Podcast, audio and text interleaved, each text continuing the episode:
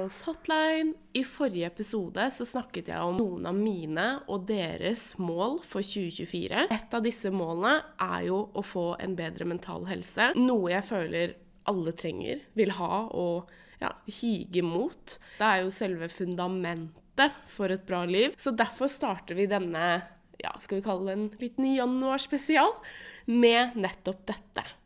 I dag så kommer Amanda og gjester Poddy fordi hun er snart utdanna psykolog til sommeren. Og forhåpentligvis kan hun hjelpe både meg og dere. En ting jeg faktisk elsker med livet mitt, er at jeg har så mange fantastiske mennesker rundt meg. Og en av de er jo så klart Amanda. Amanda og jeg møttes når vi begge studerte i Australia.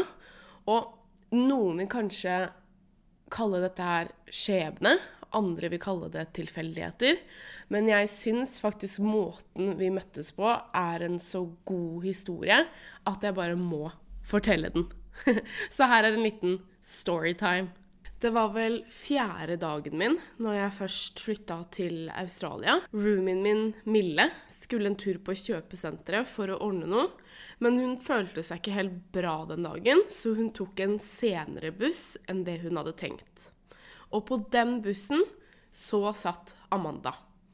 De setter seg nesten rett ved siden av hverandre, og Mille komplimenterte Amanda for en tatovering hun hadde. Og de kom i snakk.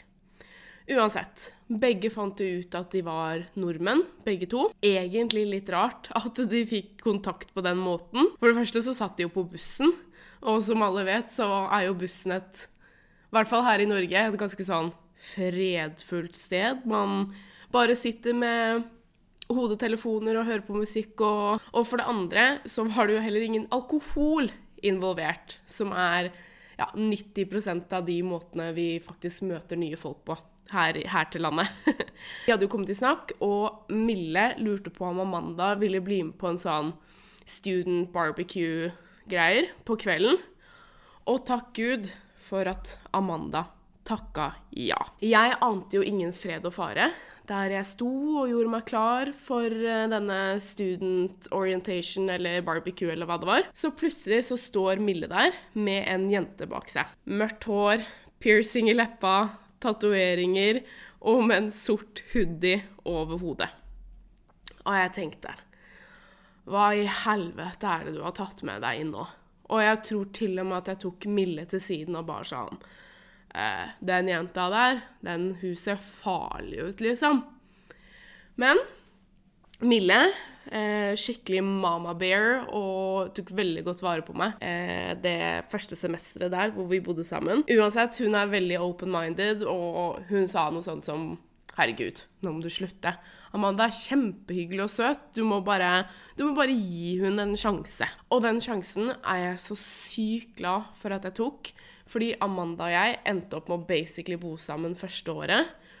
Og så ble vi faktiske roomies i to år etter det. Og teorien da, med at det motsatte tiltrekker hverandre, den, den ble sann. For Amanda og meg er liksom stikk motsatt av hverandre. Men så viser det seg at, og det har vi snakket om tidligere òg, at eh, vi har veldig, veldig like kjerneverdier. Og det er liksom det som er det viktigste. Det er på en måte ikke det som er på utsiden, eller at man har veldig ulike interesser, da. For det har vi. Men det er det, det som er inni, inni oss, da. Velkommen til Poddy, verdens beste roomie. Og når den tid kommer, verdens beste psykolog. Tusen takk, rett og slett. For at du vil ha meg på podkasten. Det er jo kjempegøy. Ja. Men eh, kan ikke du ta og så introdusere deg selv litt, eh, Amanda? Jo, det kan jeg. Jeg er eh, 26 år. Herregud, jeg fyller jo 27 nå i april. Det er jo helt vilt. Du Og fyller jeg jo i februar. Å, herregud, vi begynner å bli gamle, vet du. Jeg. Jeg har fått meg kjæreste, Mhm. så det er hyggelig. Så det er her vi er nå, Ja, i Du har ikke starta videoen? Nei, nei, men oh, ja, ok. eh, Sånn, jeg, ja. jeg skal gjøre det litt sånn innimellom. Det går bra. Det er helt sånn der eh, Bare sånn du vet, altså. Har Ja. ja, Det går så bra, så. det er her vi er nå. Det er kjempehyggelig. Det er jo ganske nytt. Vi har vel vært sammen i jeg tror det er fire måneder nå. Mm. Kjent hverandre siden sommeren i fjor. Ja. Så det er kjempekoselig. Ja. Ja. Og så jobber jeg jo i eh, psykiatrien. Mm. Jeg har for øyeblikket to jobber. begge er i akuttpsykiatrien. Eh, En er med barn og ungdom, og en er med voksne. Så det er litt sånn forskjellig. Trives veldig godt, da. Mm. Eh, både i de spesifikke jobbene, og også sånn i psykiatrien i gen eh, sånn generelt. Ja. Og bortsett fra det, så er jeg jo glad i å trene og lese litt og Du er en sånn bokorm, du. Jeg er en bokorm. Ja. Jeg leser eh, Ja. Følg meg på Goodreads, så Og er det en greie? Ja, ja, ja. Det er sånn du kan sjekke liksom Uh, hvor langt du har kommet i en bok, og hvilke bøker du har lest. Og du kan sette sånn mål for året med hvor mange bøker du vil lese. Og... Så det er kjempegøy. Å, ja. ja, der er du sikkert populær. Holdt jeg på å si. Eller kan man være populær? Jeg er bare Altså- sånn tenker på sånn Altså, man, man blir venner der på samme måte som man på en måte er venner på, på Snap. da. Ja, okay. Eh, og så kan man liksom se hva vennene sine gjør i løpet av året, og hva de leser. og Det er jo fint da å få venner der som, leser, som liker mye av det du liker, da. mm. Eh, for da kan du jo få litt tips og sånn. Så hot take. Hot take. Not du, hot. det burde være hot-tipset mitt. Ja, men det kan vi spare den etterpå. Ja.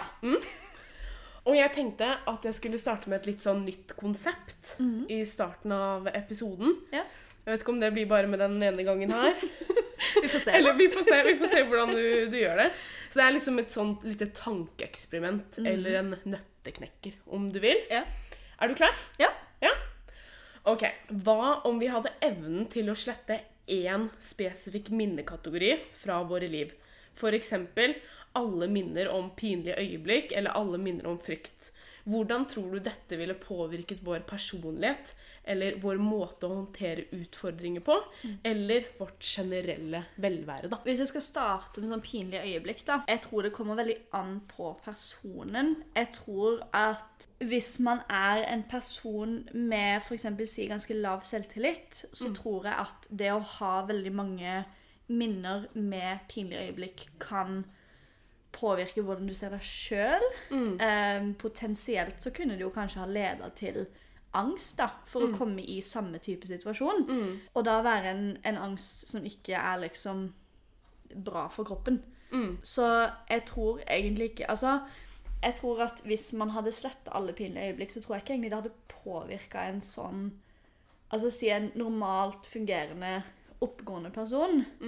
Jeg tror ikke egentlig det hadde påvirka et sånn type menneske i veldig stor grad. Hvis man, klarer, hvis man er en person som har en del selvinnsikt og kan ha litt humor med seg sjøl og sånn, som jeg føler vi to er litt. Altså, Vi ser jo på pinneøyeblikk bare egentlig som sånn der eh, Ja. morsom greie. Ja, ja, ja. Så har det Altså, det kan jo bare bygge litt karakter, egentlig. Mm.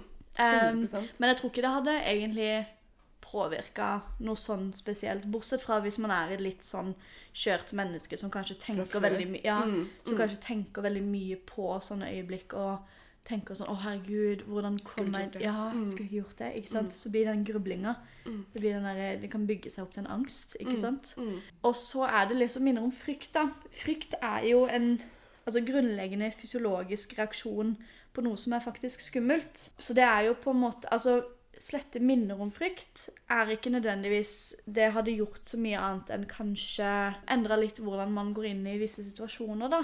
Som kan være lignende eller, eller, eller helt like som den situasjonen man opplevde først. Hadde man fjerna frykt helt, så kunne jo det blitt ganske katastrofalt. For frykt skal jo Som sagt, det er jo et instinkt, ikke sant? Man, altså Forskjellen på frykt og angst, da. For eksempel frykt er jo en redsel for noe som er faktisk farlig, mens angst er en redsel for noe som kan være farlig, eller ikke egentlig er så farlig. Nei. ikke sant? Sånn som sosial angst. ikke sant? Redd for eh, sånn, ja. ja. Så det å fjerne minner om frykt tror jeg hadde gått helt fint. Mm. Hadde du fjerna frykten i seg sjøl, så tror jeg veldig mange hadde levd veldig annerledes. Jeg tror de hadde tatt mye mer vågale valg. Mm. Som noen ganger kunne vært positivt. Ja, ja Men, altså, men frykt i seg selv er jo veldig viktig at vi har. Det er det. Mm. Frykt er veldig viktig. Det skal redde livet vårt. Det, så sånn sett så er det veldig viktig. Mens har du en angst, så er jo det Det kan jo være ganske Hemmende. Ja. Mm. ja. Og så har du angst som er bra for kroppen, og angst som er dårlig for kroppen. Angst som er bra for kroppen, det er jo på en måte på samme måte som med frykt. da. Den skal jo på en måte redde oss fra å havne i situasjoner der ting kan bli faktisk Totalt. farlig. Ja, rett og slett. Og også det å ha f.eks. før en presentasjon, da. Mm. Eller det er jo bra å kjenne at man gruer seg litt. Mm. Litt er alltid bra. Med litt, litt sånn prestasjonsangst, som vi kan kalle det, er jo egentlig bare bra. For da betyr det at det her er noe du bryr deg om. Da kan du prestere bedre, for da legger du mer tanke bak det. Mens hvis du har altfor mye av denne prestasjonsangsten, så fungerer det jo som du sier hemmende. da. At du på en måte, du glemmer alt du skal si, og du glemmer hva du skal gjøre. og det, Da funker det jo ikke. Da er det jo mot sin hensikt. Mm. Mens litt prestasjonsangst, det er jo bare sunt. Det er bare sunt. Det er bare sunt. Og så vil jeg spørre deg om eh, hvorfor vil du bli psykolog? Ja, altså historien bak det er jo I utgangspunktet så ville jeg jo ikke bli psykolog. Stemmer. Jeg møtte deg, og du skulle bli lærer. Jeg skulle bli lærer. På videregående så tok jeg psykologi som valgfag. Fant ut at det her var jo kjempegøy. Og så hadde jeg en psykologilærer eh, som hadde studert lenge i Australia og fortalte meg om hvor fint og flott det var. Og så var det sånn åh, Australia virker jo helt fantastisk. Ja. Så da endte jeg opp med å tenke at ja, ja, men jeg vil bare komme meg vekk lite grann. Mm. Eh, Så jeg bestemte meg for å studere tre år med psykologi i Australia. Mm. Og så kunne jeg heller da eh, undervise i psykologi når jeg kom tilbake og tok lærerstudiet. Eh, og så begynte jeg på psykologistudiet, og så da tenkte jo jeg at det finnes på en måte én type psykolog, og det er den som sitter og pasienten sitter på sofaen og forteller om sine tanker og følelser. Og i bunn og grunn så går jo mange av disse retningene innenfor psykolog ut på det samme, men det er også annerledes. Så jeg hadde et fag i Australia som het forensic psychology. Mm. Eller det var jo egentlig bare en sånn eh, et fag der de fortalte om hva slags type psykolog man kunne bli. da. Og forensic psychologist er jo det jeg tror i Norge de kaller rettspsykolog. Da er det egentlig bare mye sånn jobb innenfor fengsel og bedømme tilregnelighet og, og litt sånne ting etter ja, Hvis si noen har begått et mord, da. Og så er det kanskje litt spørsmål om er denne personen psykisk syk. For å gjøre det enkelt, da, hvis vi tar eksempelet med f.eks. han Anders Behring Breivik. Ja, ja. Da hadde du vært en person som Ja. skulle Ja, snakke med han og bedømme ok, var han utilregnelig i Ja. handlingsøyeblikket. Ja.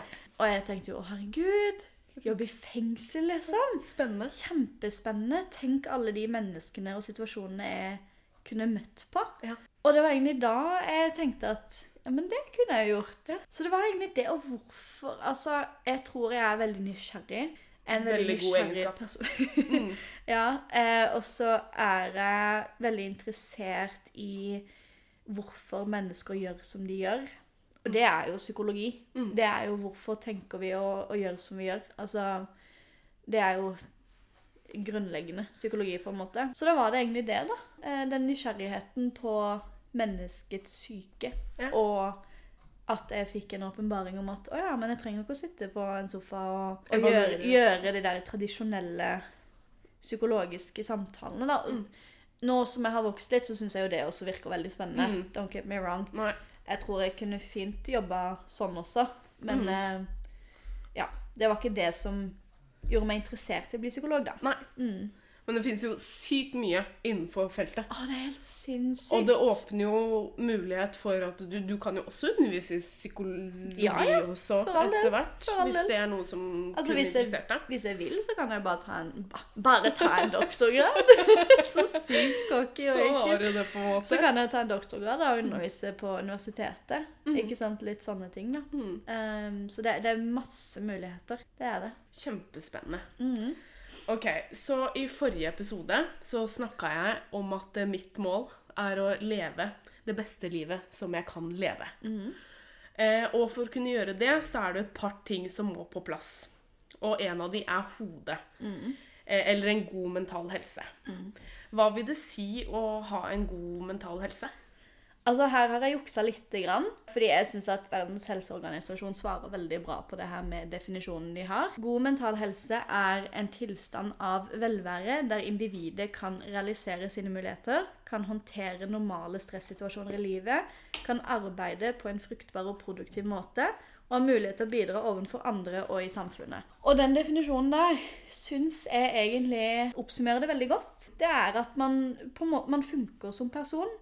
Man tåler det livet har å by på, Mm. rett og slett. Man klarer å leve på en på en måte man sjøl er eh, tilfreds med.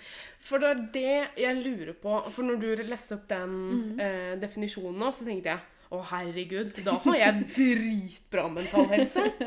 Helt Ja. insane, liksom. For alt det Jeg tikker jo mm, Jeg klarer meg kjempebra. Du, du, du, du. Men så tror jeg at jeg har veldig store forventninger til meg selv. Så er det også en måte For jeg tror liksom Expectations kills Ja. Julie, på en måte. Ja. Mm. Jeg tror vi er en generasjon eh, Altså, vi er jo generasjon prestasjon.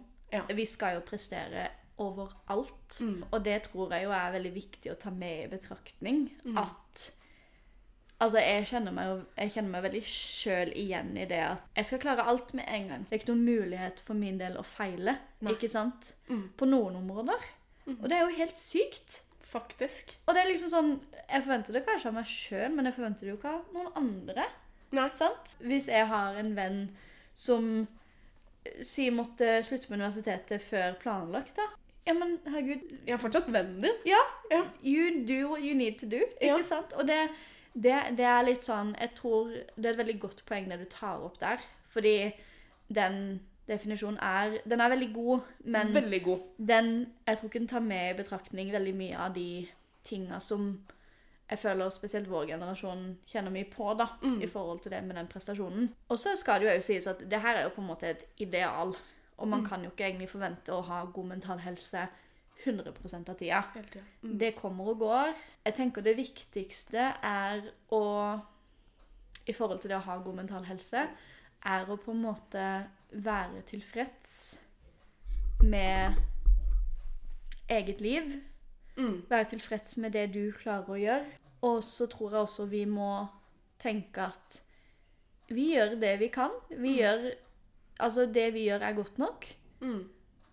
Og så må man bare ta en dag om gangen. Mm. Altså, Jeg kjenner på det sjøl. Mm. ikke sant? Det er ikke alltid jeg har 100% å gi. Og da må man på en måte prøve å senke skuldrene litt og tenke at det er greit. Selv om det er kjempevanskelig Mm. å gjøre. Kjempelett å si, kjempevanskelig å Ja, gjøre. det er det. Ja. Du, as I say, en Not det sier du. Ja. Please. Det er det. Hvordan kan vi forebygge Mm. mentale helseproblemer før de oppstår? Jeg er jo veldig for forebygging. Fordi forebygging koster mindre enn behandling. Ja, Um, faktisk. og jeg tror, jeg tror det kommer an på litt sånn forskjellige ting. Og så må man også innse at det er visse ting man ikke kan gjøre noe med. Mm. Du har situasjonelle faktorer, du har utenforstående faktorer som du på en måte Du har ikke noe kontroll over hvordan det nødvendigvis påvirker livet ditt. Mm. Altså selvfølgelig har du relasjoner som du føler funker negativt for deg sjøl og ditt liv, så kan du jo på en måte gå gjennom prosessen og kutte disse relasjonene, da. Mm.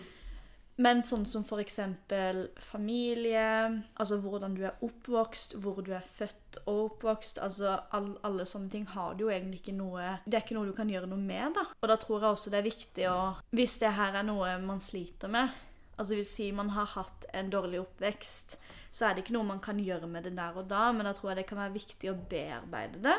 Mm. Snakke om det. Snakke om ting som er vanskelig. Og det er jo egentlig er jo noe jeg tenker i forhold til eh, forebygging, er at det er viktig å snakke om det før det blir for alvorlig. Og selv om det kan føles ut som det bare er en bagatell, så kan det her vokse og vokse og vokse og bli kjempealvorlig. Mm. Og da er det veldig viktig å ikke sitte med det alene.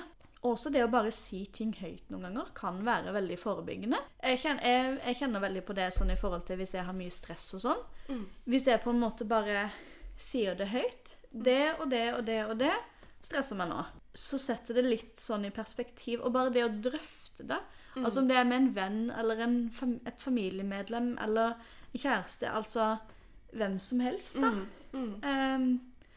Bare, bare det å på en måte snakke om det høyt. Og ikke bare gå og tenke og tenke og tenke. og tenke. Mm. For det kan være kjempefarlig. For det løser på en måte Jeg har i hvert fall hørt at det, altså sånn, halve problemet er løst. Så Ja. lenge du setter Ja. ord på det og sier det høyt. Jeg tror det er et ordtak om det. Ja, Jeg husker ikke akkurat ordtaket, men, eh, men det er et ordtak på det. Ehm, og det, det kjenner, altså Det kjenner jeg jo på sjøl. Så fort jeg på en måte sier noe høyt, så blir det det blir mer ekte, men da er det også lettere å ta tak i. Mm. For det er jo også sånn at den frykten koser seg veldig i mørket. Ah, elsker det. Ja. Elsker det. Han gjør det. altså Ja. sånn Med en gang du bare sa han 'Her kommer sola', Ja. så da er det liksom ikke så skummelt allikevel. da. Nei, det er ikke det. Det er ikke det. Så det å, å sette lys på det, og det kan være kjempevanskelig. Og da er det viktig å ha noen man stoler på, som man kan snakke med. Og så er det også disse the basics. Altså det her er jo noe jeg sikkert kommer til å preache opp og ned i mente om. Ja, eh, ikke bare i dag, men generelt. Resten av karrieren din. Eh, men bare det å implementere gode, gode vaner, da. Men implementere gode vaner i forhold til altså søvn, mat, mosjon. Det er alfa og omega. Og det, jeg vet at det er kjempemange som og det, Men nå snakker vi forebygging. Nå snakker vi Vi snakker ikke for kliniske diagnoser, ikke sant? Nei. Men det å ha gode vaner for søvn og mat og mosjon, det er altså så viktig. Og det er, jeg vet at det er mange som er drittlei av å høre på det, Ja. men jeg, jeg kødder ikke, altså. Det, det kan ha så mye å si. Ja. Så det å på en måte ha eh, faste tider man spiser, litt mosjon innimellom, altså om det er å gå en halvtime om dagen altså, Det trenger ikke å være å løpe et maraton fire ganger i uka. sant? Nei. Men bare det å komme, på en måte bare komme seg litt i bevegelse. Eh, og gode sovevaner. Mm. Det har veldig mye å si. Mm. Eh, det er veldig viktig jeg tror jeg, i forebygging av det å bevare en god mental helse. da. Ja, for jeg skulle jo egentlig stille deg nå at eh, jeg skal ha, ha om både trening, kost, trening og kosthold, den blir jo igjen, eh, relasjoner og karriere som fokusområder da, Ja. eh, de neste episodene. Eh, og så lurte jeg bare på om du kan si kort hvordan dette kan ha en positiv eller negativ virkning da, Ja. på vår mentale helse. ja. Herregud, for en Segway. Ja. Det var jo perfekt rød tråd her. Helt nydelig. Um, ja. Jeg kan jo egentlig begynne med sånn trening og kosthold, da. Mhm. uh, jeg tror kosthold er det vi kanskje jeg, jeg har prøvd å gjøre litt grann research, bare sånn fordi det er vel det Altså, jeg, jeg kan ikke så mye om det, og jeg er heller ikke ernæringsfysiolog, så jeg har ikke lyst til å gå så mye inn på akkurat det med kosthold. Men det jeg fant, er at maten vi spiser, påvirker jo bakteriene i tarmen. Gut health, det er jo veldig ja, oppi Ja, og tarmen og hjernen snakker jo sammen. Jeg kan ikke så mye mer utfylle den. um, og så er det Jeg tror også at det er viktig å spise nok. Fordi jeg tror veldig mange tenker at når det er snakk om sånn kosthold og sånn, så er det alltid sånn dietter, og man skal spise så lite som mulig og sånne ting. For, altså, for en god mental helse så er det også viktig å få i seg nok mat. Mat kan også være en sosial ting. Mm. Som igjen kan være veldig veldig positivt for mental helse. Em, så jeg kan liksom ikke gå inn i akkurat liksom hvordan næring påvirker mental helse, men hvordan måltider og sånne ting kan være viktig, det er liksom sånn Som sagt, det sosiale rundt det. Altså gå ut og spise med venninner, ikke sant. Lage mat til, lage middag til familien. Sånne ting. Og det å spise nok. Ja. Hvis man ikke får i seg nok mat, så blir man jo kjempesliten. Lite energi. Mm. Da blir man jo liggende, da. Ja, ja, eh, altså, sånn er det jo. Trening er jo litt lettere. Eh, når man trener, så utløser jo hjernen et sånn kjemikalsk stoff, holdt jeg på å si. Hva heter det? Eh, Ja, kjemisk stoff heter det faktisk. Endorfiner. Og det kalles også lykkehormon, så det sier jo litt seg sjøl, da. Ja. Eh, man blir jo Ofte så får man liksom den derre energien og liksom bare den der Åh, yes, dette var gøy. Etter en god treningsøkt. Jeg har jo kjent på det mange ganger, og du har sikkert Same. kjent på det. ja. Lenge siden nå, men Ja, ja, men det, det er ikke alltid man får det til eh, alt på en gang. Og så kan jo også trening føre til bedre selvtillit. Det kan føre til mestringsfølelse når man får til noe, når man klarer en ny PR på mølla, eller klarer en ny vekt som man ikke har fått til.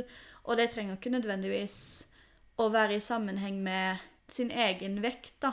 Om man går opp eller ned i vekt, ikke sant. Men bare det Jeg kjenner jo på det uansett at hvis jeg har en fast vane å gå til gymmen fire ganger i uka, så føler jeg meg mye bedre. Jeg har mye bedre selvtillit, uavhengig av vekt Hvordan og hvordan man ser ut. Det er liksom bare Det gir en sånn en følelse av liksom Man føler seg bare mye bedre, syns jeg. Og det er jo ikke så rart det når du får det Nei. kjemiske stoffet. Nei, endorfiner. Ja.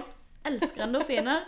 Det er fantastisk. Og så er det jo um, For du sa karriere. Ja. Ja.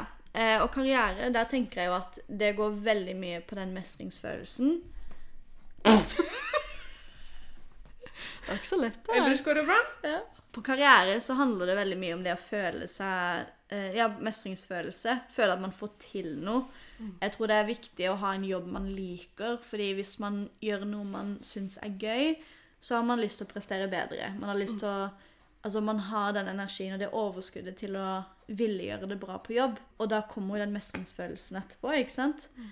Og så for veldig mange som jobber på en sosial måte, altså du jobber i butikk, jeg jobber jo med folk Dritsosialt. det er jo kjempesosialt. Og det å føle at man er en del av noe større, den der gruppefølelsen, kan også være veldig viktig. Altså den tilhørigheten. Veldig, veldig viktig. Eh, mennesker er jo flokkdyr. Så vi liker å føle at vi hører til en gruppe, da.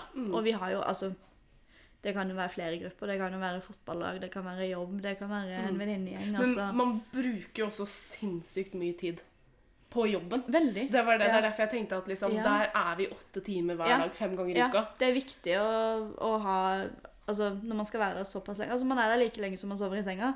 Forhåpentligvis. I hvert fall for min del. Ja. Trenger ti timer, jeg. Ja. Eh, så, så er det veldig viktig å omgås med folk man trives med. Det er viktig å være på et sted man trives å være. Hvis ikke så blir det miserabelt. Mm. Det blir Altså, det blir helt grusomt. Og man kan bli utbrent, og man kan bli Altså, man blir jo drittlei, ikke sant? mm. Tenk om Altså, tenk om du skulle være på en heavy metal-konsert, da. Åtte timer om dagen. Ja. Altså, du hadde blitt dritsliten, du hadde blitt Ja. dritlei. ja. Du får jo ikke noe overskudd av det, ikke Nei. sant? Nei. Um, så man må på en måte Selvfølgelig så er det ikke alltid man kan velge Spesielt når man er veldig ung, så er det veldig vanskelig å finne jobber som passer til akkurat det man vil gjøre. Da må man på en måte settle litt mer. Mm. Mens når man er litt mer voksen, man har gjerne tatt en utdanning innenfor det man ønsker, Mm. så er det litt lettere. Og så er det lov å prøve og feile. Mm. Det er lov å begynne i en jobb. Faktisk. Hate den. Ja. Finne noe nytt. Mm. Sant? Det, det er ikke verdens undergang. Det er helt lov. Mm. Det, vi har ikke dårlig tid. Nei, nei, faktisk ikke. Det, Men også, også jeg hørte eller sånn, sånn TikTok hvor det var Mm. sånn herre It's never too late. Og så var det en sånn snuppe. Mm. Dame som var sånn 80 år eller noe. ja. Nei, hva var det? Jo, og da begyn- det var da hun begynte liksom å få suksess med maleriene sine. ja, sant. Og sånn. sant. Men det er never too late. Mm. Altså, jeg, jeg liker å bruke mamma som et eksempel. Shout-out mamma. Ja. Beste i verden. Beste, Bestevenninna mi. Shout-out. Skulle ønske hun var her nå. Ikke mamma. oh, du får ta neste episode med mamma. Ja. hun fikk jo broren min veldig tidlig, og så fikk hun meg fire år etterpå. Så det var liksom, det var aldri noe tid for noe utdanning og sånne ting. Eh, og hun begynte jo på sykepleierutdanninga. Hun var jo i midten av 30-åra, tror jeg. Mm. Og har liksom klart seg Altså, hun klarer seg jo kjempebra. Nå er hun intensivsykepleier, Ja, og hun trives herregud jo kjempegodt. Hun har jo virkelig funnet sitt. mm. Eh, Så jeg liker veldig godt å bruke henne som et eksempel. Altså Nå som jeg nærmer meg 30, Ja. så innser jeg at å ja, men 35 det er jo ikke så gammelt. Ja. Men noen ganger så begynner jeg å tenke på at å herregud, jeg er 27 år gammel når jeg er ferdig å studere. Jeg er jo eldgammel, og så er jeg jo ikke det. Nei. Så tenker jeg litt sånn å ja. Og så har jeg også på bacheloren og sånne ting, så har vi hatt veldig mange som er altså 50-60 pluss. Mm. Som har på en måte begynt helt på scratch på en helt ny Ja. utdanning. Og det er helt lov. Ja, og jeg tenker i hvert fall hvis vi skal jobbe til vi er hva da? 75? Er det den nye Det blir, det blir 90, vet du, når vi er Så, så det å liksom faktisk Til og med når du er bare 50 Ja. Og bare sånn Nå har lyst til å gjøre noe annet. Tre, tre, tre år med Ja. utdanning eventuelt, da. Ja. Det er jo de mest normale, liksom. Og Og da har du kanskje 20 år pluss igjen. Jeg tenker Å jobbe. de tre åra er verdt det Mm. for å ha det greit resten av livet. Mm. Innenfor jobb. For som du sier, man er der gjerne åtte timer om dagen. Man må trives. Man, man, Det, jeg tror det er det er alfa kjempeviktig. og omega. Ja. Mm. Jeg har vært veldig heldig da, som har jobber som jeg føler gir meg veldig mye. Men det, jeg vet jo at det er jo ikke alle som er like heldige. Nei. Uh, men som sagt, it's never too late. Is Eh, it too late now? Sorry. Og så var det vel en ting til Relasjoner. Relasjoner. Ja, åh, herregud, relasjoner. Jeg kan jo snakke i timevis Ja. om viktigheten av relasjoner. Det er jo alfa og omega. Uten å ha gode relasjoner, et godt nettverk, trygge relasjoner, ikke minst, så, så er man veldig i faresonen for å holdt på å si, havne utpå, da. Det er nok en av de viktigste tinga. Det er å ha noen rundt deg som du stoler på, som du kan være med når ting er vanskelig, som du kan snakke med når livet er litt kjipt. Mm. Eh, og man trenger, ikke, altså, man trenger ikke nødvendigvis å snakke om det, men bare noen du kan være med, Mm. som du føler gir deg noe. Ikke sant? For hvis man ikke har et nettverk, hvis man ikke har så mange venner og, og familie og sånne ting, så er det veldig fort å isolere seg. Mm. Og det er jo ikke veldig bra for mental helse. Nei. Det er liksom Det er bensin til Ja. depresjon. Det er Ja, da fôrer du Ja. den depresjonen, faktisk. Og det Altså, jeg er jo introvert, så det er jo helt lov med alenetid. 100 Men til en viss grad. Alt med måte. Alt med måte. Ja. Ja, men som en introvert også, for det har jeg liksom tenkt veldig ofte Mm. på, at du lader mer alene. Mm. Men det betyr jo ikke det at ikke du trenger tilhørighet. Mm. Eller det å være med mennesker. Ja. Men føler du noen gang at du må liksom bli dratt litt ut Ja, av ja. ditt eget skinn? At noen 100%. ganger bare sånn At du tenker at du har det mye ah, Det er så deilig Mm. å være her og lese bok. Og så trenger du egentlig bare sånn Faen, Amanda, nå må vi gå ut litt. Det, det føler jeg på. Flere ganger uh, har jeg følt på det. Og det, da er jeg veldig glad for at jeg har de vennene som på en måte ser det at nå har hun sittet alene litt for lenge. Det er sånn, Hun har det sikkert greit, Ja. men vi drar, oss, vi drar henne med ut på en middag. vi bare sånn i tilfelle. Mm. Og, så, og så kjenner jeg bare sånn Å, herregud, dette trengte jeg. Mm. For jeg glemmer det litt noen ganger. Mm. Og da er det fort at man graver seg litt ned, da. Mm. Uten at, og det er sånn, det, det, Man merker det ikke alltid. Nei. Og så plutselig så sitter man der, og så klarer man ikke å gå ut. Nei. Og det kan bli skummelt. Ja. Det kan bli veldig skummelt. Veldig. For man blir også veldig komfortabel i sitt eget hode, da. Veldig, Og ja. sofaen eller senga, eller Ja. Mm. hva du holder på med selv. Fordi ofte introverter har jo en veldig god egenskap til å uh, entertaine seg selv. Ja, ja, ja. Så det er jo en kjempepositiv ting. Det er jo noe jeg kunne ønske jeg hadde hatt litt mer av. At jeg på en Ja. måte Ja, må ha, det må være noe som skjer hele tiden. Mm. Men i stedet så bare sånn Å, jeg kan liksom gjøre det og det og det. På en måte. Mm. Ja. Nei, det, altså det er jo Det kommer veldig an på hvem man er, da. Eh, og jeg tror jo òg det er mye lettere Ekstroverter har jo sånn sett lettere da for å skape seg et nettverk. For de er mer ute. Mm. De er mer eh, outgoing, da, ofte. Mm. Jeg er jo en Jeg er jo en ekstrovert til tider. Ja, ja, Når når, når du er ute. ja. Ja, ja. Men når jeg Men så lader jeg Altså, man kan jo være en introvert og fortsatt være outgoing. Man kan være en ekstrovert og være sjenert. Ja, det er det. Men det er liksom hvordan man lader opp. Det er, det er det. Ja. Jeg tror det er den definisjonen som folk kanskje blir litt sånn confused på. Mm. For det er sånn, Når du også fortalte meg første gang ok, helt sånn første gang jeg så det, så var det litt sånn Det fortalte jeg i introen her. Jeg var sånn What the fuck? Men du var jo kjempeåpen og kjempesprudlende Mm. og sånne ting. Og så sa du bare sånn Jeg er introvert, jeg. og jeg bare sånn Å ja. Det, altså sånn I couldn't tell. Nei. Og det, altså Mamma har jo alltid sagt ja, men herregud, du er jo ikke introvert, du er jo ekstrovert. ikke Mm, sant? mm. Og det, jeg skjønner hvordan det kan virke sånn. Ja. For jeg er veldig sånn outgoing, og jeg er veldig sånn out there Mm. når jeg er liksom sosial og, og ute og Men da har jeg lada opp alene.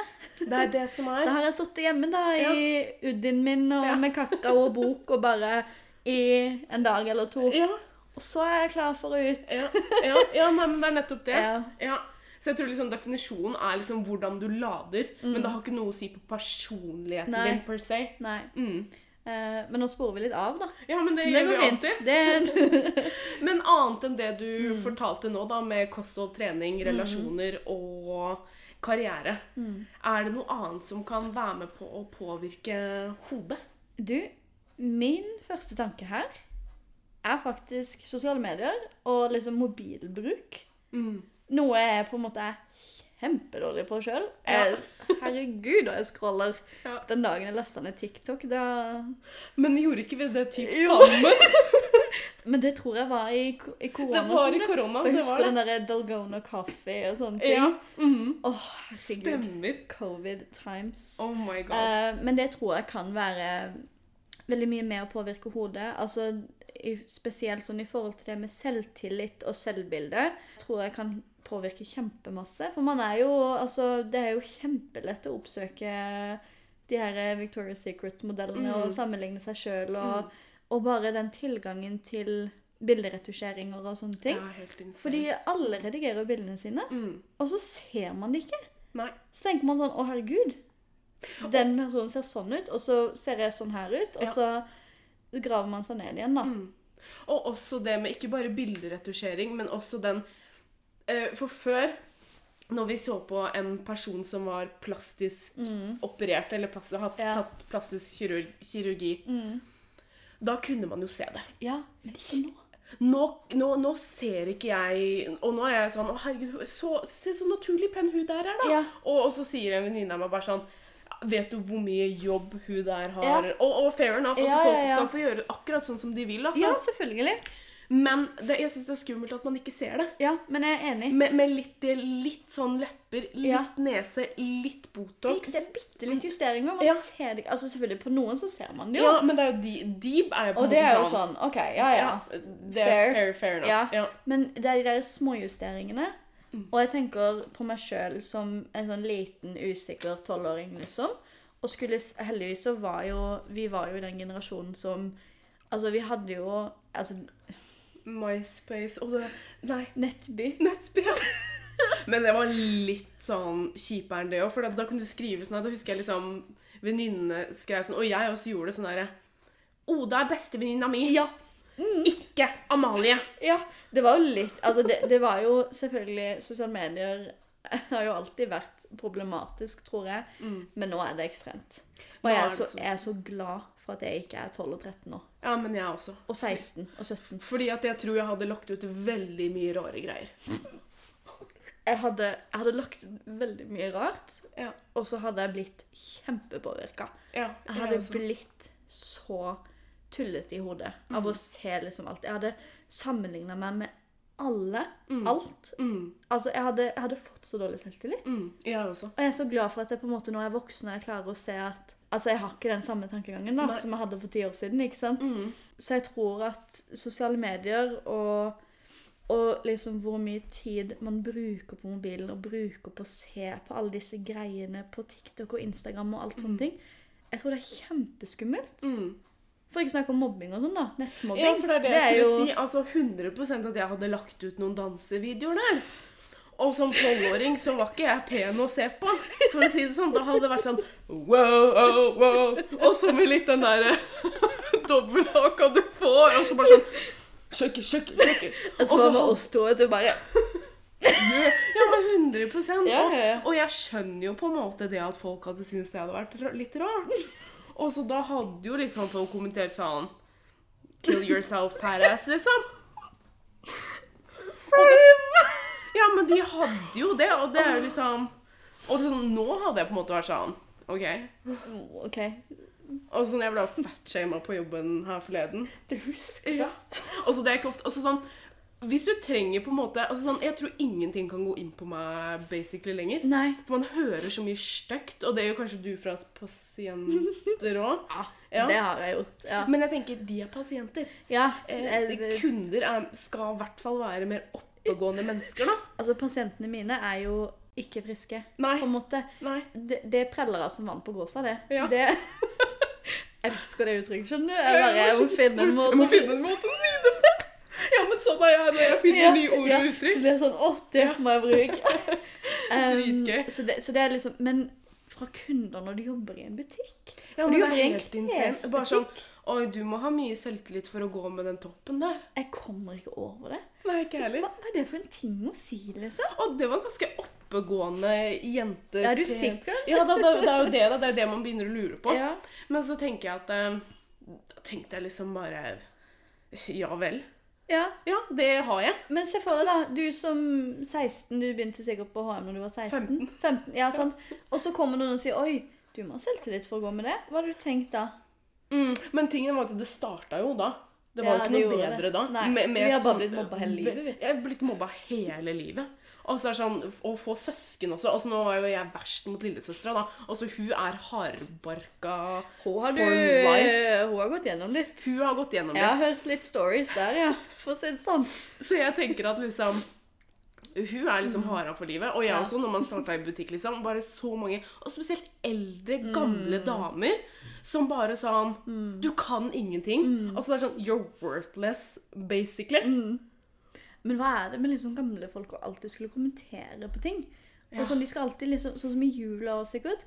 Altså, Min familie er veldig flinke til det. De, Ja, de sier ikke sånne småkommentarer. Men jeg vet at det er veldig mange som, som gjør det, som kommer sånn derre Og bare liksom Selv det å bare si sånn Å, du, har du tatt av deg, liksom? Det er, sånn, det er så unødvendige ting å kommentere på. Begge- altså regardless. regardless, ja. Ja. Og bare sånn å, herregud, det må du forandre på. Eller sånn. Mm. Eller den derre Ja, når er det du skal få deg kjæreste? Når er det du skal få deg barn? eh, ja. Mm. Burde ikke du jobbe som det? Burde ikke du egentlig bli lege? Sånn. Ja. Nå syns jeg du var tjukk. Ja. Nå syns jeg du ble altfor tynn. Spis. Nei, ikke spis. Det er liksom Det er jo aldri godt nok. Og tenk, da, å få det her trøkka i trynet hver gang du åpner telefonen din.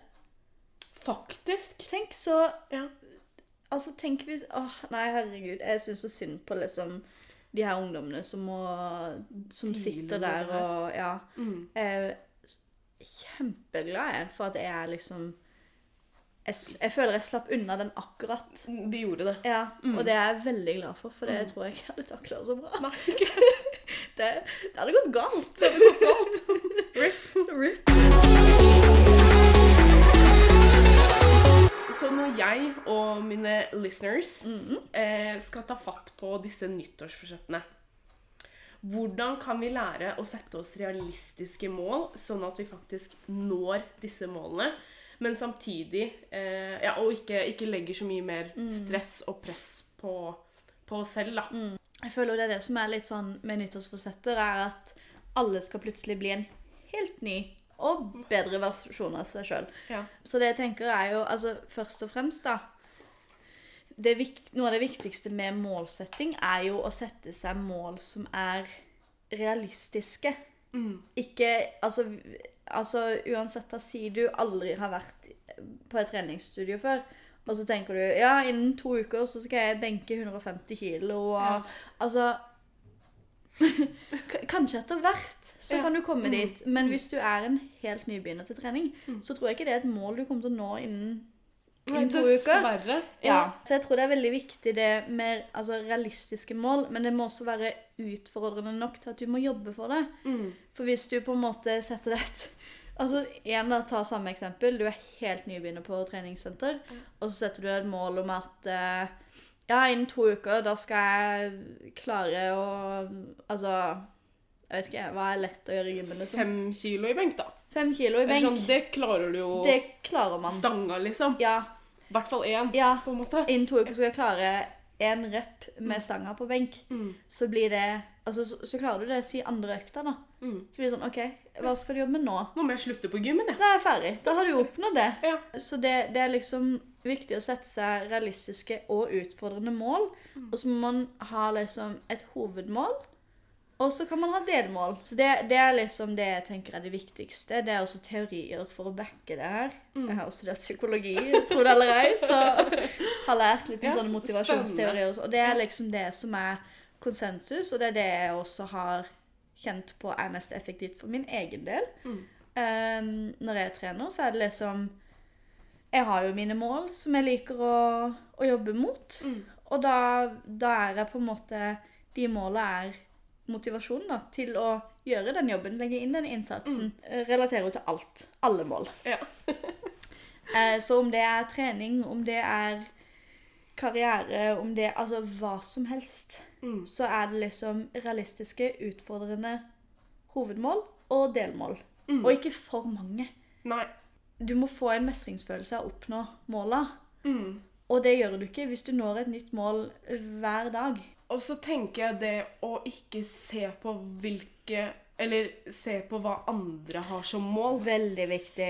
Ja. For jeg tenker at prosessen må være enjoyable Ja. Mm. også, in a way. Og eh, Jeg vet ikke, jeg tror jeg blir veldig påvirka av andre. Nå er, jeg, nå er jeg plutselig på det Nå har jeg lyst til å begynne å eh, kjøre med pilates, for eksempel. Ja. Fordi jeg har sett det, og den fine kroppen man får av, vet du. Og så tenker Ja. jeg, men så, så Nå har jeg ikke prøvd det heller, Nei. faktisk. Så, men si, sånn har det vært med mye ting som jeg liksom Å nei, nå skal jeg gjøre det, for det ser jeg andre for god gå, altså, er det sånn Å, jeg liker ikke prosessen. Nei. Og da Da, da er det ikke vits. Man må finne noe man sjøl liker. mm, Sånn som jeg vet jo at du er jo veldig glad i løping og sånn. Ja, Og da tenker jeg jo at det er jo noe du burde fokusere på. faktisk. Jeg, jo, jeg hater jo løping. Ja. Så det å skulle for min del sette meg mål i løping, Mm. det, det er ikke noe vits. Mm. For jeg hadde ikke, jeg hadde ikke hatt lyst til å gjøre det. Jeg hadde ikke hatt noe drive til å nå de målene, for jeg bryr meg ikke. Nei. Styrketrening derimot, Mm. elsker det. Mm. Der er jeg liksom sånn Der har jeg så mye drive for å Mm. nå disse målene. Mm. Legge inn den innsatsen. Eh, så man må Det er jo spesielt sånn Altså, det er jo veldig enkelt å snakke om i forhold til trening, da. Men der er det kjempeviktig å finne seg sjøl en måte å trene på som man liker å gjøre. Mm. Um, om det er fotball, pilates, styrketrening, løping, gå en tur med hunden Mm. Altså, det trenger ikke å være så det, Altså, folk gjør ting ofte veldig, vans veldig mye vanskeligere enn det trenger å være. Komplisert. Ja. Det er det. For det, det, altså, et mål kan være å gå altså, tre ganger i uka, da. Gå en tur tre ganger i uka. Mm. Det det trenger faktisk ikke å være så mye verre. Det gjør ikke det. Mm. For å være litt mer kreativ, gå tre ganger i uka med en venn. Mm. Så får du det sosiale tillegg. Sant? Helt nydelig. Så, det, så det, det trenger ikke å være så vanskelig. Blir det for komplisert, så mister man det ofte. Mm. Så keep it simple. Utfordrende, realistisk. Herregud, cute. Veldig bra. Mm. Eh, men hvilke vanlige hindringer kan oppstå når eh, jeg eller ja, en av de som hører på, Mm. eh, skal begynne å endre en vane? Ja, nå snakka vi om trening, da, Ja. så det jo Jeg føler det er et veldig enkelt Det er eksempel. Ja. Eh, og hvordan kan vi overvinne disse hindringene Mm. som kommer? Jeg tenker fortsatt viktigheten med mål.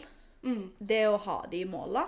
Huske litt sånn når man møter på litt hindringer, huske på hva er målet med det her? Hvorfor gjør jeg det her?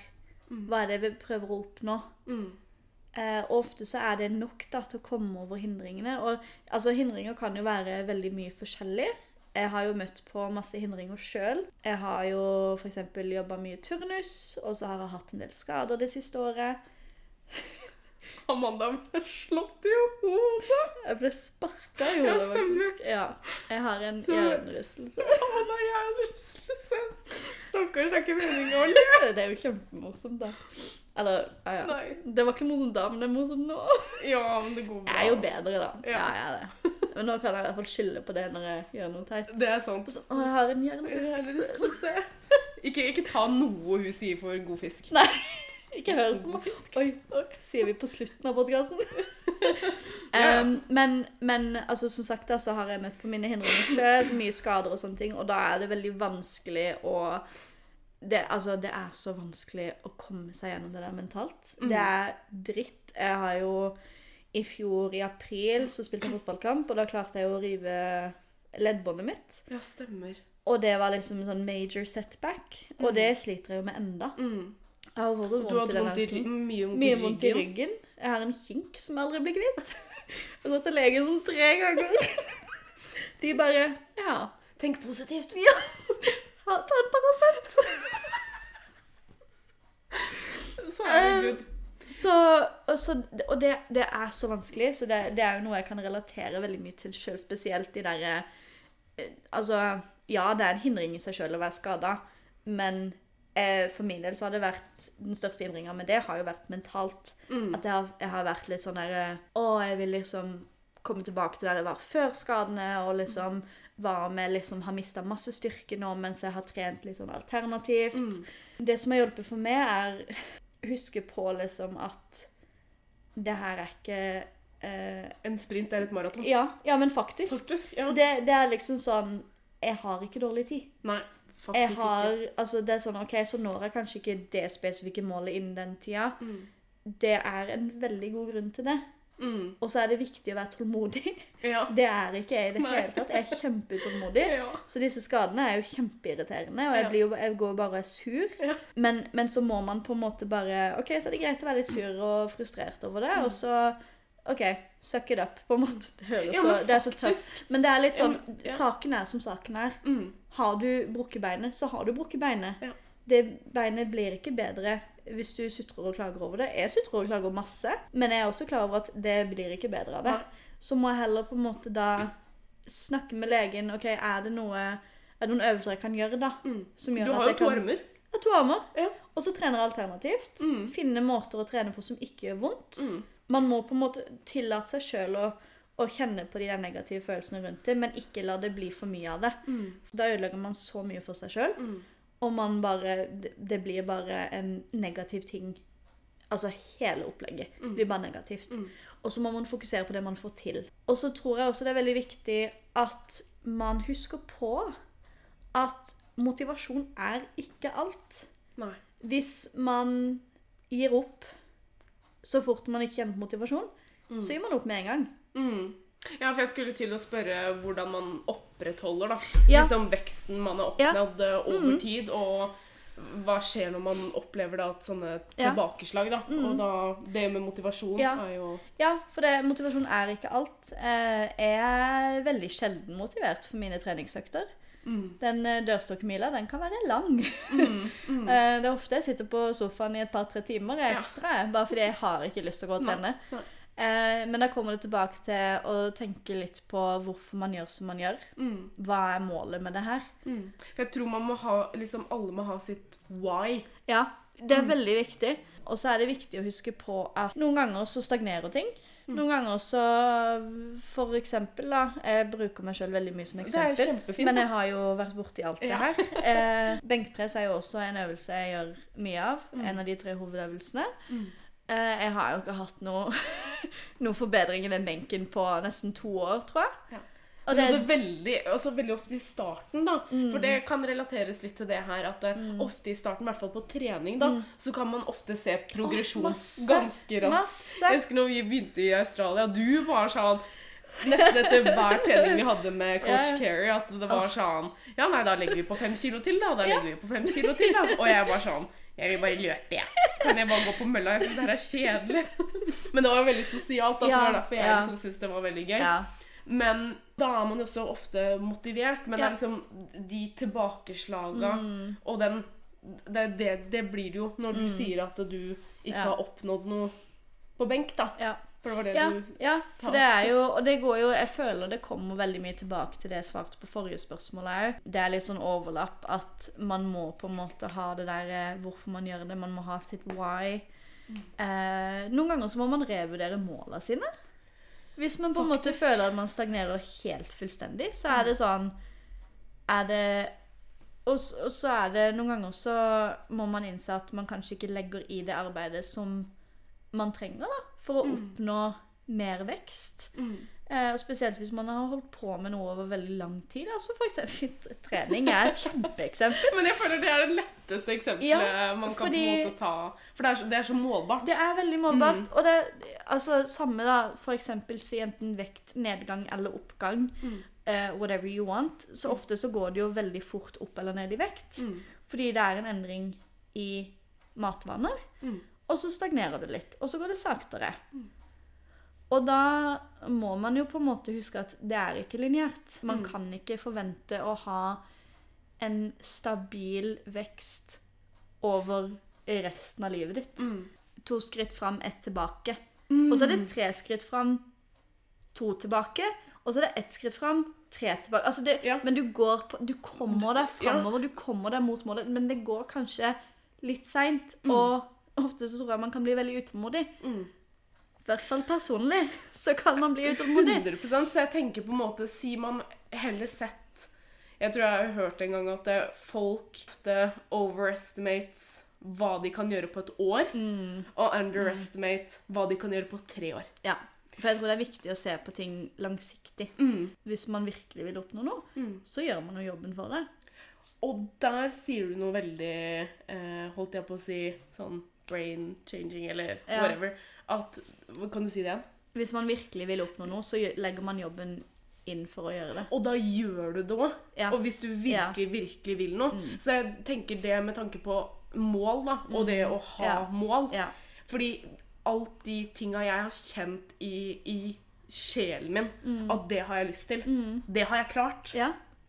Mens ting som ikke egentlig har vært for meg, men jeg har sett på alle andre, da har jeg tenkt liksom, nei, det skal jeg klare. Men Ja. det har jeg jo ikke klart, fordi det, det er ikke noe jeg virkelig har lyst til. Det er noe du tror du har lyst til, fordi du ser at alle andre har lyst til det. Mm, Ikke sant? Men det, 100% man er jo sitt eget person, holdt jeg på å Mm. si. Man har jo sine egne behov og, og mål og Mm. drømmer og ønsker, ikke sant? Og det jeg tror jeg er viktig å følge, følge det en sjøl har lyst til å gjøre, og ikke det alle andre rundt en gjør. Jeg har jo også sett den derre pilates-crazen som Mm. Og det, det- det ser jo kjempegøy ut. Ja. Og jeg kunne fint prøvd det. ja. Men så er det også litt sånn Husker du når vi gjorde yoga? Oh, shanti, shanti, shanti. Oh, men det var jo deilig, da. Det var jo veldig Den likte jeg. Mm. Spesielt den der corpse-posen. Ja. Jeg sovna et par ganger. Bare sånn, åh, Bare se på klokka bare sånn Åh, er det ikke snart den derre digge Ja, Skal vi ikke legge oss ned på ryggen og sove litt Men hun kom jo bort og bare Ja. Og så noen ganger sto på sånne Ja, lavendelgreier og stemmer sånn. det. Men det var jo digg. Det var kjempedeilig. Yoga ja. liker jeg jo. ja, men jeg også.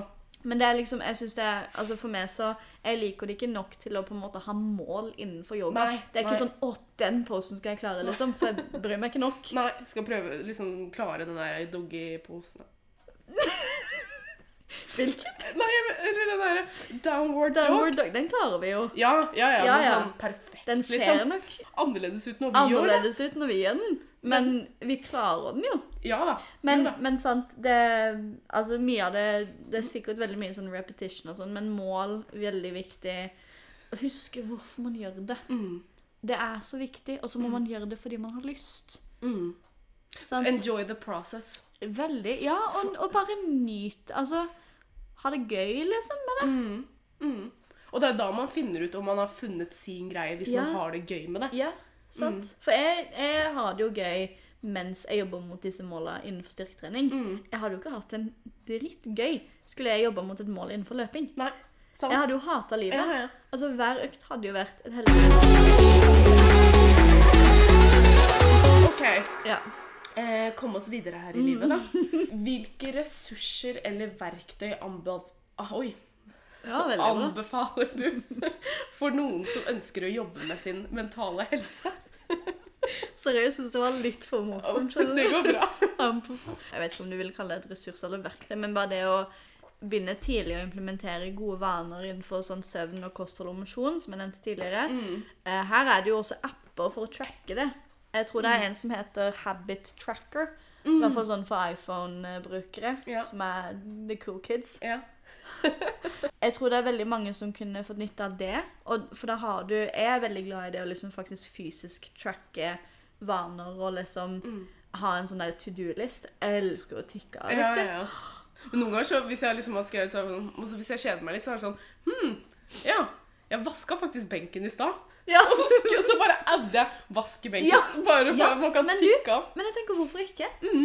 Fordi det gir en sånn liten sånn der rush. Altså ha to do-list. Jeg elsker det. Mm. Um, habit tracking apps er alfa og omega. Er, Mm. Hvis man liker sånne ting, da. Men jeg kan ikke se for meg at man ikke liker det. Nei.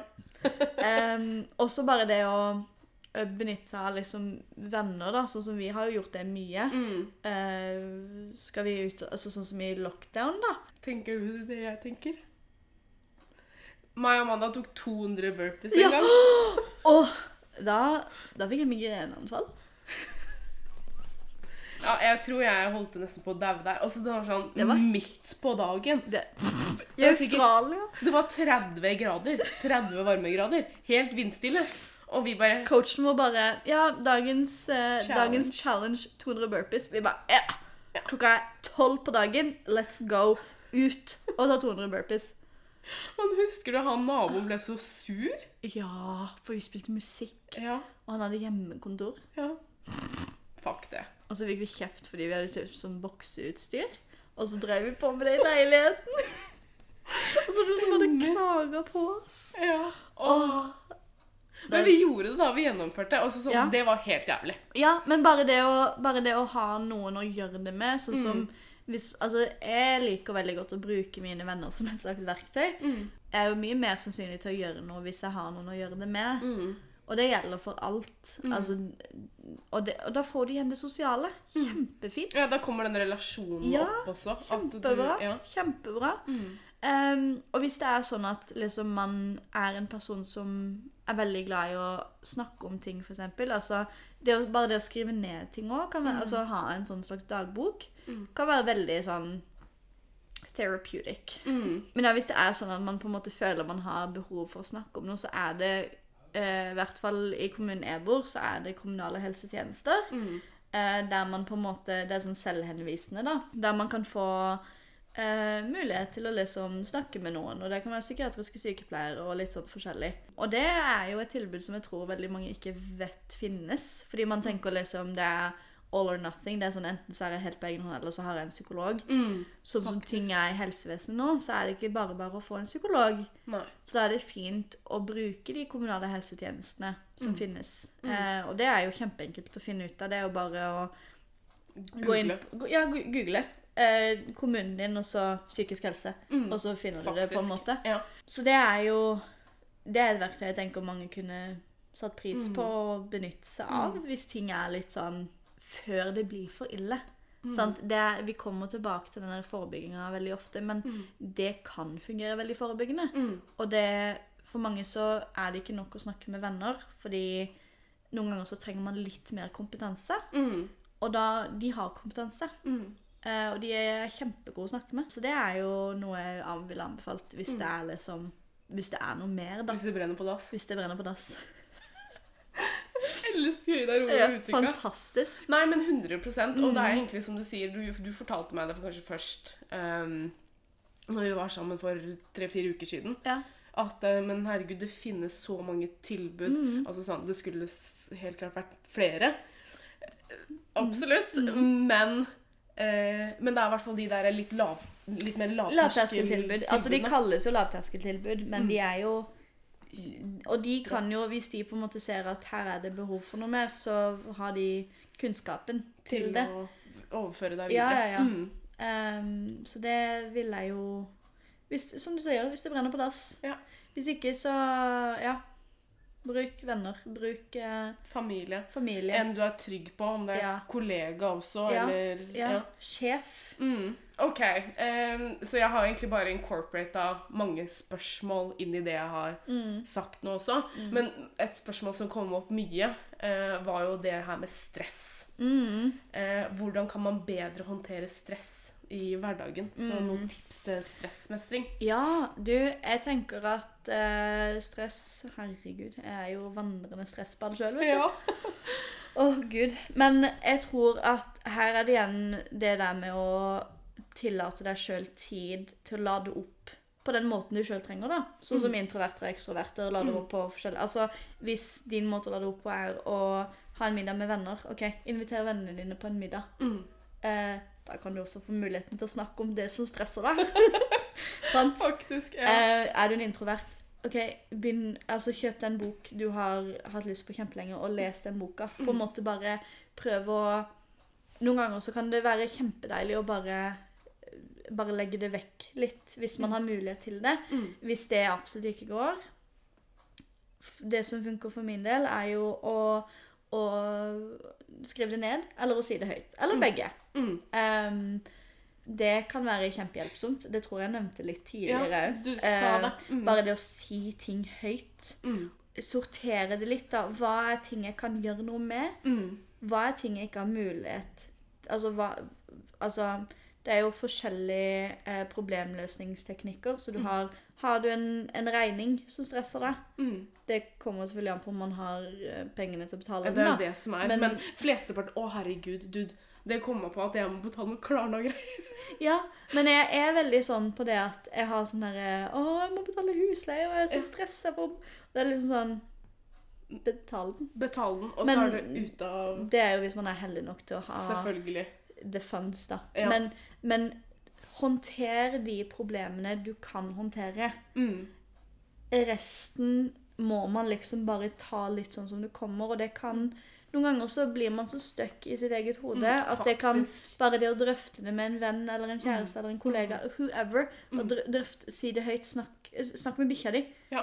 Altså, men noen ganger så bare kan man få litt nye ideer, bare si ting høyt. Mm. Og så tror jeg det er veldig mange som er mye mer sånn kine på å hjelpe enn det man tror. Definitivt. Definitivt. Jeg Mm. tror eh, Jeg tror vi er Altså, mennesker er jo glad i hverandre. Vi er rare Men sånn. vi, men vi liker å hjelpe, ikke sant? Ja. Og så er det kommunetjenester. De Mm. kan hjelpe deg med masse. Mm. Jeg vet at I min kommune så har de til og med mulighet til å hjelpe deg med flytting. Hvis du Mm. på en måte ikke har noen annen mulighet til å, Mm. å flytte, men du, du har Altså Nav Mm. kan hjelpe deg Mm. med å finne bolig. Hvis det er på en måte Altså Nå snakker jeg om litt sånn større problemer, da. Ja. Men sånn Da tenkte jeg mer på hverdagslig Hverdagsstress. stress. Og det er jo også Stress er ikke farlig. Eller Nei. det kan være. Ja, Litt stress og er ikke farlig. Da går det utover Da går det mer sånn over til utbrenthet, da. Ja, og det må Mm. man jo unngå. Mm. Men det er jo også derfor det er viktig å på en måte ta seg av de problemene man kan, Mm. når man kan. Mm. Ikke, ikke gå drøy det. OK, så er det kanskje litt sånn åh, Orker ikke å deale med det nå. Mm. Så er det sånn Men det blir så mye bedre når man er ferdig, man er med, det. med det. Ja. Og jeg tenker man kan jo bruke de, f.eks. det med relasjoner. Mm. Bruk de til å si det høyt, drøfte problemene. Da blir det bedre, og, og da får du skammen ut av skyggen, Mm. Ja. ut i lyset. Mm. Da, da virker problemet kanskje ikke så veldig stort Nei, for det gjør ikke det. Det blir plutselig veldig mye mindre og mye mer håndterlig Mm, når det er out in the open. mm. Og så tenker jeg også å bruke aktiviteter eller ting du liker å gjøre, som f.eks. trening, da, yeah. Som også gir en overskudd pga. Yeah. disse endorfinene yeah. også. At man kan ta, vet du hva, altså sånn, Man tenker egentlig sånn Faen, jeg har egentlig ikke tid, Mm. energi eller ork til å deale med det her nå. Men bare jeg vet ikke, 45 minutter, en halvtime på gymmen, eller av den aktiviteten du ønsker å gjøre, da. Jeg tror det gir mye Mm. tilbake til deg, da. Definitivt. Og det, altså, jeg har jo ikke på en måte egen familie sjøl. Jeg har jo ikke noe barn eller noe sånt. Nei. Så jeg kan jo ikke relatere til det å ha, liksom, være en småbarnsfamilie og skulle få det til å gå opp. Jeg har jo heldigvis bare meg sjøl, Ja. egentlig, sånn ja. sett. da. Mm. Eh, men jeg tror det som også er viktig hvis man har barn, og hvis man har andre man må tenke på, så er det også viktig å ta tid til seg sjøl. Mm, selvpleie. Ja. Selvkjærlighet. Ekstremt viktig. Og det er sånn, man kan Altså, jeg tror det er veldig mange som også kan føle på en eh, en dårlig samvittighet, da, hvis de gjør det. Men jeg tror Faktisk. at of the day så er det kjempeviktig. Mm, Man må gjøre ting som gir du noe tilbake. mm, For hvis ikke så går man bare på veggen. mm. Eh, og til slutt så har man ikke mer å gi til andre. Du må ha noe å gi for å kunne gi det videre. på en måte. Mm, Du, mm. altså, hvis du ikke har noe å gi, så er du, da er du tom, da. Mm. Og da er du jo ikke, du er jo ikke ubrukelig. Nei. Men Men du kan faktisk bli det. Det kan Ja. bli veldig crippling. ja, og... det kan det. Ja. Det kan det. Så jeg tror det er viktig altså at the end of the day, håndter de tingene man klarer å håndtere Mm. der og da. Mm. Ta det først. Ja, ta det først. Få det out of the way. Mm. Det, det er så deilig når man bare får det unnagjort. Mm. Det er visse ting man ikke kan gjøre noe med. Mm. Prøv å bare come to terms med det. Mm. Altså, du, du kan ikke på en måte nødvendigvis gjøre noe med at sjefen din er en bitch, Mm. liksom. Er det en mulighet å bytte jobb?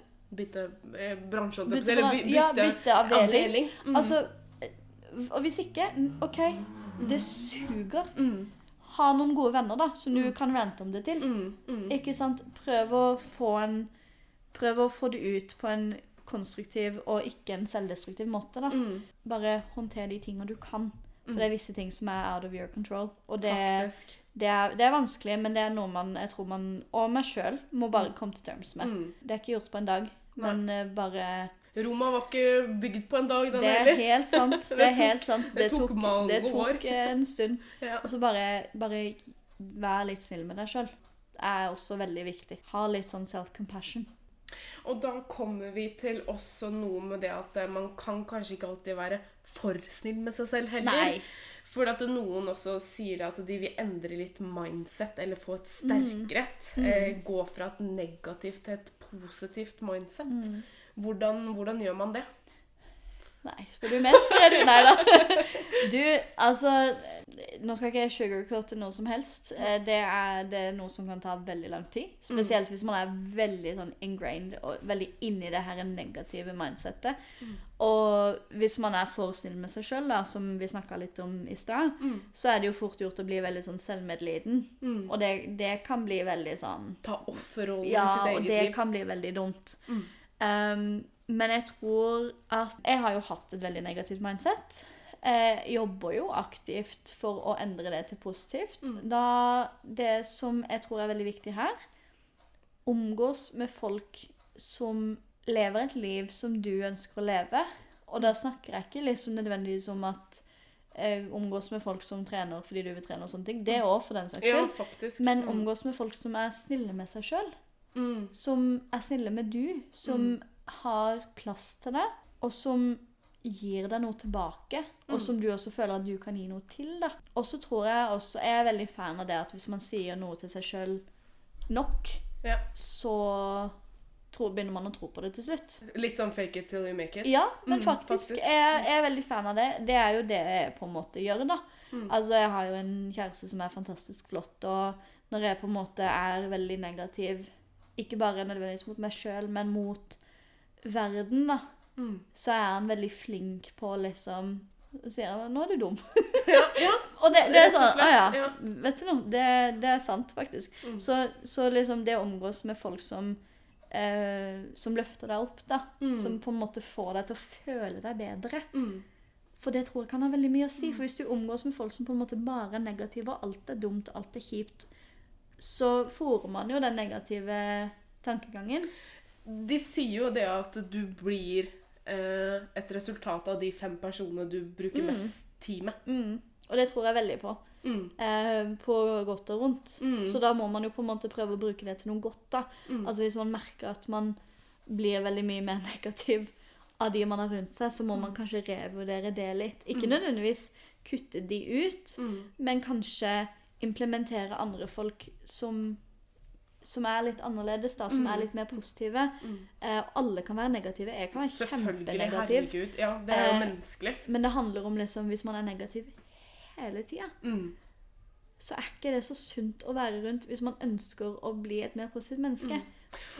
Og jeg tenker Det ble jo sagt positivt, men Mm. jeg har i hvert fall hørt at det, For jeg pleide å være veldig, veldig veldig positiv før. Ja. Så nesten toxic Du var, du var sånn irriterende positiv, Men jeg var veldig positivt. Men jeg har måttet endre til å bli mer optimist. Ja.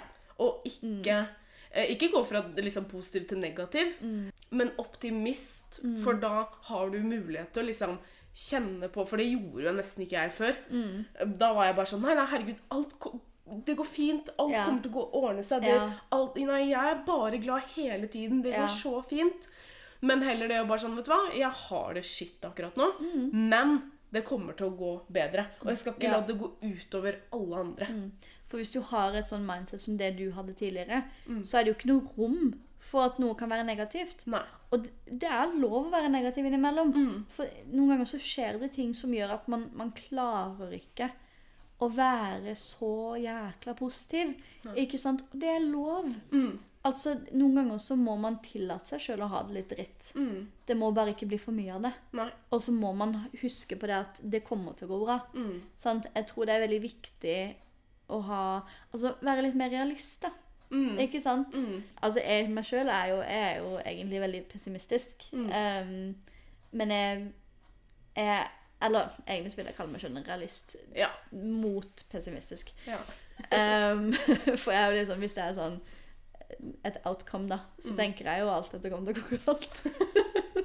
så så gjør det jo ikke det. Nei. Men så lærer jeg jo ikke av det heller. Nei, for eksempel nei, at nei. jeg skal ha en prøve, og så bare Å, jeg kommer til å stryke. Er Så den- får du en jævla bra jeg, jeg er karakterer. den irriterende personen, vet du. Og jeg, det er Og jeg er sånn Jeg tror det gikk dritbra. eh, hva, hvilke karakterer var det? Dis, nei, Distinction var ganske bra. Distinction var jo ganske bra, ja. Men Distinction eh, var jo jeg B. fikk veldig ofte sånn Ikke pass, men det som var over der igjen. Å ja. eh, Credit. Credit. Og jeg var sånn Ja, ja. Ja. Og hvis jeg ikke fikk en high distinction, så gikk jo verden min i ras. Eh, litt det her med expectations i seg sjøl. Men, jeg tror Altså, to hovedpoeng, da. Mm. Lyv ljug til deg sjøl. Ja. rett og slett. Altså, bare, bare fake till you make it. Mm. Sånn faktisk, på ekte. Eh, du begynner å tro på det hvis du sier nok ting til deg Og en én ting, faktisk, så hjelper det faktisk å smile. Ja.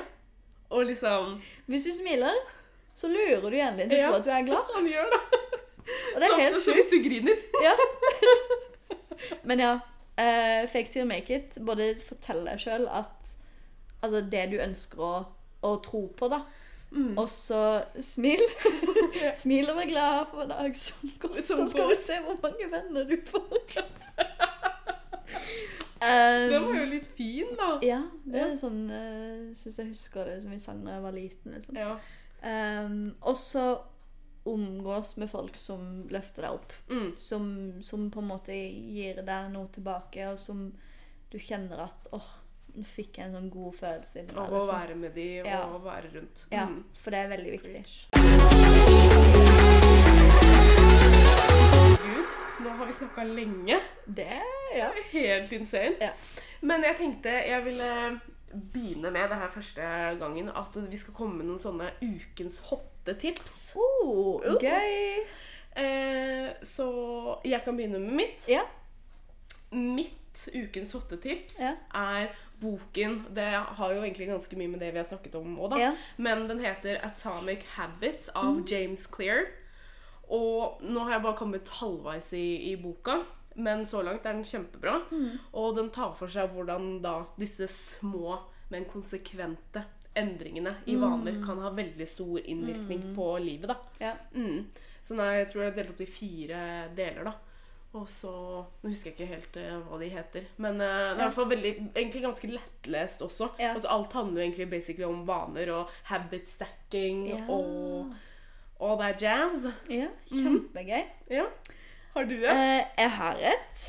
Det er litt gøy, da, for når du faktisk sa ditt hottips, så kom jeg på en annen bok som egentlig Men du må si den derre bokstedet også. Bokstedet. Ja, som du legger inn bøkene dine. Ja! Det var også et tips, men du kan ta flere tips òg. Skal jeg ha tre tips? Men uh, må, jeg bare husker ikke hva den boka heter. Den heter noe med fuck. Fuck Miracle. Fuck-bok? Jeg kan ikke søke. Og jeg har faktisk et annet tips òg. Nei, jeg kanskje skal spare det til neste gang. Nei, jeg må si det nå. Ja. Men det så jeg på TikTok, da. Og da var det noen som sa at eh, eh, når jeg stoppa å lese sånn self-help-books, ja. og så begynte jeg heller å lese husmorsporno, det var da jeg ble lykkelig. Ja, men hvis det gjør deg lykkelig, så tenker jeg kjør på. Ja. Fifty Shades, liksom. Fifty Shades. Ja, istedenfor liksom ja, den habit-boka mi, da. Ja, ja. uh, men ok, jeg har uh, et hot tips. Ja. Hvis du ønsker å bli litt sånn motivert til å lese og sånne ting, Mm. uh, appen Goodreads. Mm. Eh, der kan du få masse tips til bøker. Du kan tracke hvor mange bøker du har lest. Du kan sette deg mål for hvor mange bøker du vil lese det året. Eh, og bare oppdatere. Du kan lese reviews på bøker av andre. Og så er jeg veldig glad i boka The Subtle Art of Not Giving a Fuck. Mm. For den kom jeg på når du sa det. Ja. skjønner du. Ja. For den leste jeg i Australia, Ja. og den var kjempegøy å lese. Og jeg syns den var for oss som er litt sånn overtenkende og litt sånn kan bli litt i vårt eget hode, Mm. så tror jeg den er veldig fin. Jeg likte den i hvert fall veldig godt. Jeg har lyst til å lese den på Og den heter 'Kunsten å gi faen' på ja, norsk. den, den edle kunsten å gi faen, tror jeg. Ja, ja. Ja. Den edle kunsten å gi faen på norsk, og The Subtle Art of Not Giving a Fuck på engelsk. Mm. Siste hot tips. Herregud, ja. her kommer jeg med masse. Du får bare velge hvilket du vil Nei, ha. nei, herregud, bare kjør på. Um, eh, det er jo en serie som er sånn kjempegammel, som jeg nettopp har begynt Å å ja, se det var eh, tipset til kjæresten. Ja, ja. Eh, det var tipset til Gøran. Eh, serien Dag. Atle Antonsen er jo litt sånn Ja. Og så er det ikke mulig å se den noe sted. Man må ha det på DVD. Men jeg syns den er kjempegøy. Det handler om en parterapeut som ikke tror på ekteskap. Han tror ikke på forhold. Det er kjempegøy. Ja. Og vi har sett sånn, sånn en halv sesong. Jeg burde jo ikke se så mye på TV. Jeg får kjempevondt i hodet av å Ja, se på skjerm. det Men det var liksom så gøy, så jeg satt liksom med sånn solbriller og sånn og bare mm, Dritgøy. Ja. Men eh, det kommer litt an på da, altså om man Skal ikke si jeg digger Atle Antonsen, Nei, nei, men, men altså eh, sånn det har vært litt sånn greier eh, som vi selvfølgelig ikke støtter i det hele tatt. ikke. Absolutt ikke. Den Ja. serien er bra. Serien er er gøy. morsom, på ja, måte. den Ja. er morsom. Um, så den, den Og så er den litt sånn Tar for seg litt sånn dype ting på en litt sånn gøy måte, da. Ja. Jeg syns den gjør det på en Nå har jeg bare sett en halv sesong. Det, jeg tror det er tre sesonger. Så det er bare å inn på. Ja. Finn og handle. Handle som sånn DVD-spiller og Ja. Du Å, kan få det på Blu-ray, da, tror jeg. Ja. Og du kan sikkert kjøpe det i butikken. Ja. Men jeg tror Jørgen kjøpte det på Finn. Oh, ja. oh, Så da der har du noen Så hot gøy. tips. Hot tips. Herregud, tre hot tips. Det var jævla Ja. nice. Du eier i både pose og sekk. Å ja, fy faen. Men herregud, tusen takk for at du ville bli med i Poddy. Takk for at jeg kunne få bli med. Gleder meg til neste gang. jeg. Ja, nei, men herregud, det må vi få til. Ja. Og så vil jeg bare si at eh, dere kan følge meg på at girlshotline på Instagram. Og så har jeg, Jeg har begynt å legge ut litt TikToks. Har du det? Ja. Og det har ikke jeg sett. Nei, jeg må inn og se. Girls.hotline. Fordi jeg fikk ikke sånn uten punktum, men det er girls.hotline. Åh, nå må jeg inn og se. Ja, men de er litt morsomme, Ja, men- faktisk. Syns, jeg syns du er de morsomste jeg kjenner. Så- da må dere inn og følge der. Og så hadde jeg tenkt å begynne å oppdatere litt mer på Snapchat òg. Og der heter jeg også Girls Hotline. Så det blir mye sosiale medier her. Ja, men det er jo kjempegøy. Men det er kjempegøy. Ja, jeg syns det er kjempegøy. Nei, men jeg takker for meg, jeg. Takk, takk. OK. Ha det! Adjø.